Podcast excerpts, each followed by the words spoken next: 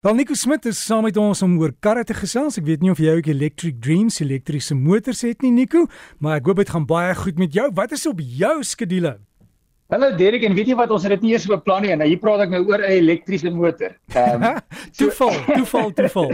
toeval, toeval. Ehm um, in hierdie geval is dit ehm um, nie 'n produksiemotor nie, maar dit is ontwikkel deur die Universiteit van Eindhoven en hulle het 'n elektriese motor Ehm um, die die voertuig se naam is Stella Terra, so as jy soek op internet sal jy maklik Stella Terra kry.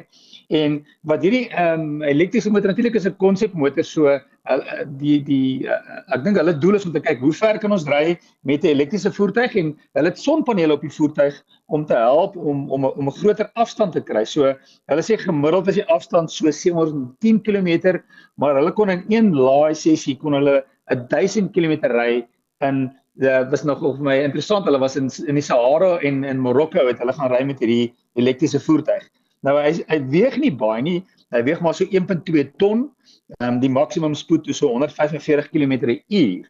So die die eenvoudige vraag is nou, weet jy wat, dis nou ehm um, hulle het sonpanele, jy kan 'n uh, maklik 700 km ry as die son skyn wat ideaal is in Suid-Afrika. Hoekom doen karvervaardigers dit nie net nie? Hoekom is hoekom sien ons dit nie meer nie? Nou daar's altyd 'n uh, um, met met voertuie die eerste ding wat jy nou moet kyk is die veiligheid. En as jy weet jy wat, ehm um, die vervaardigers wil graag 'n 5-star Euro NCAP veiligheidsgradering hê.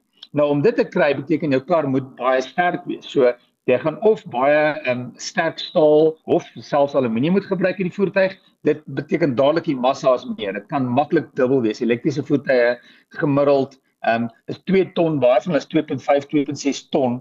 So dadelik beteken dit die afstand is het, kom ons sê dis nie wetenskaplik nie maar as as jy massa meer word moet jy die afstand halveer. So dadelik is is is die is die afstand wat jy kan ry baie minder. Maar jy kan sê weet jy wat kom ons gebruik dan eksotiese materiale soos um, ek sien seker mooi van die Afrikaanse carbon fiber reinforced plastic. So kom ons gebruik carbon fiber en dan beteken dit die koste van die voertuig is ongelooflik duur. Behalwe vir dit ook is ons so ehm um, het ons so baie ander elektroniese sisteme nou tans in karre ons het 'n goeie radio ehm um, ons het miskien elektriese sitplekke ons het natuurlik klimaatbeheer al daai goeders dra by tot weer eens die massa van die voertuig so die voertuig word al swaarder so ehm um, dis een probleem gedeelte hoekom ons dit minder in produksiekarre sien. Die volgende gedeelte natuurlik is as jy na die Stella Terra kyk, dis nie die mooiste voertuig wat ek nou in my lewe gesien het nie. So dis 'n uh, hy het 'n baie lae sleursyfer. Ehm um, en vir vir voor voertuigvervaardigers ook is dan die ontwerp baie belangrik. Hoe die voertuig lyk. Baie mense koop 'n voertuig net omdat hulle hou van die ontwerp van die voertuig. So dit dis dan die, die volgende probleem is gewoonlik is ehm um, sonpanele baie is is plat. So uh, ek het ges, uh, weet hulle begin dit al regkry om die sonpanele te buig, maar dan het jy nie so groot oppervlakte waar jy die sonpaneel kan op die voertuig sit nie. As jy kyk na die Stella Terra is die groot die dak ehm um, baie redelik ver tot agter. So dis 'n groot gedeelte van die voertuig is 'n dak. Ehm um, wat dan help om sonpanele op te sit op moderne voertuie is die, is die die die dak van die voertuig baie kleiner, so die sonpaneel, die oppervlak is baie kleiner. So ek weet die motorvervaardigers doen baie navorsing natuurlik want die groot gedeelte van elektriese voertuie is altyd die afstand. Hoe ver kan jy ry? Hoe ver kan jy ry? Hoe ver kan jy ry? En ehm um, die battery tegnologie word beter. So ek dink dis dis weet dit maak my opgewonde om te sien hoe baie ehm um, navorsing daar is om te sien hoe kan ons die afstand meer maak van elektriese karre maar tans dink ek die motorvervaardigers doen hulle huiswerk is net tans nog nie iets wat ons prakties gaan sien waar ons meer afstand gaan kry deur net sonpanele op die voertuig te sit. Hierdie idee is baie goed maar prakties werk dit nie. En dan wil ek vinnig gou eh, praat oor 'n vraag na aanleiding van verlede week se praatjie het iemand my gevra wat is 'n non-slip diff. Ek dink moontlik praat hulle eerder van 'n in Engels praat hulle van 'n limited slip diff of baie maal sommer bekend as 'n Alice diff. So dis gewoonlik um, iets wat mense um, meeste van die tyd op 'n bakkie kry. So ons het laas gepraat van 'n ewenaar slot.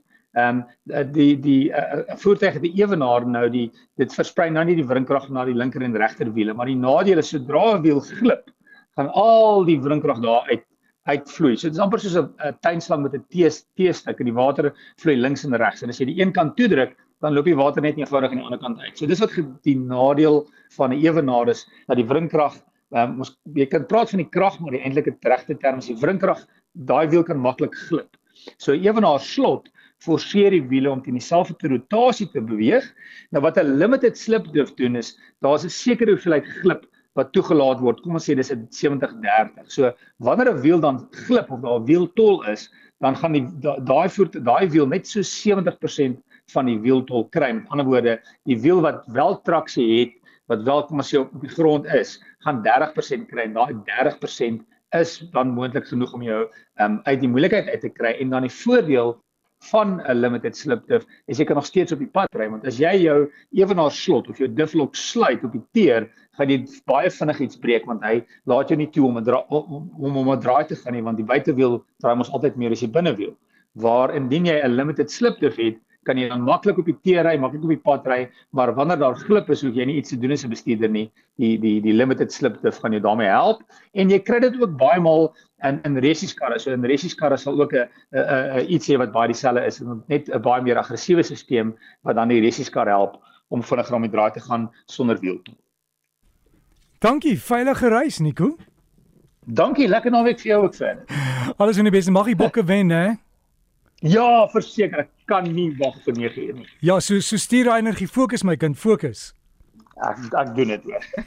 Skree hard as jy kyk en luister. Dit dan Nico Smit met ons wiele bydra. Onthou as jy dalk vir Nico 'n vraag het of 'n uh, onderwerp waaroor ons kan gesels, iets wat jou pla. Ek weet iemand het gesê oor al die elektroniese vensters en deure deesdae, as daar 'n noodgeval is, hoekom jy uit 'n motor uit? Dalk kan Nico daaroor gesels, maar ek sal dit vir hom aanstuur.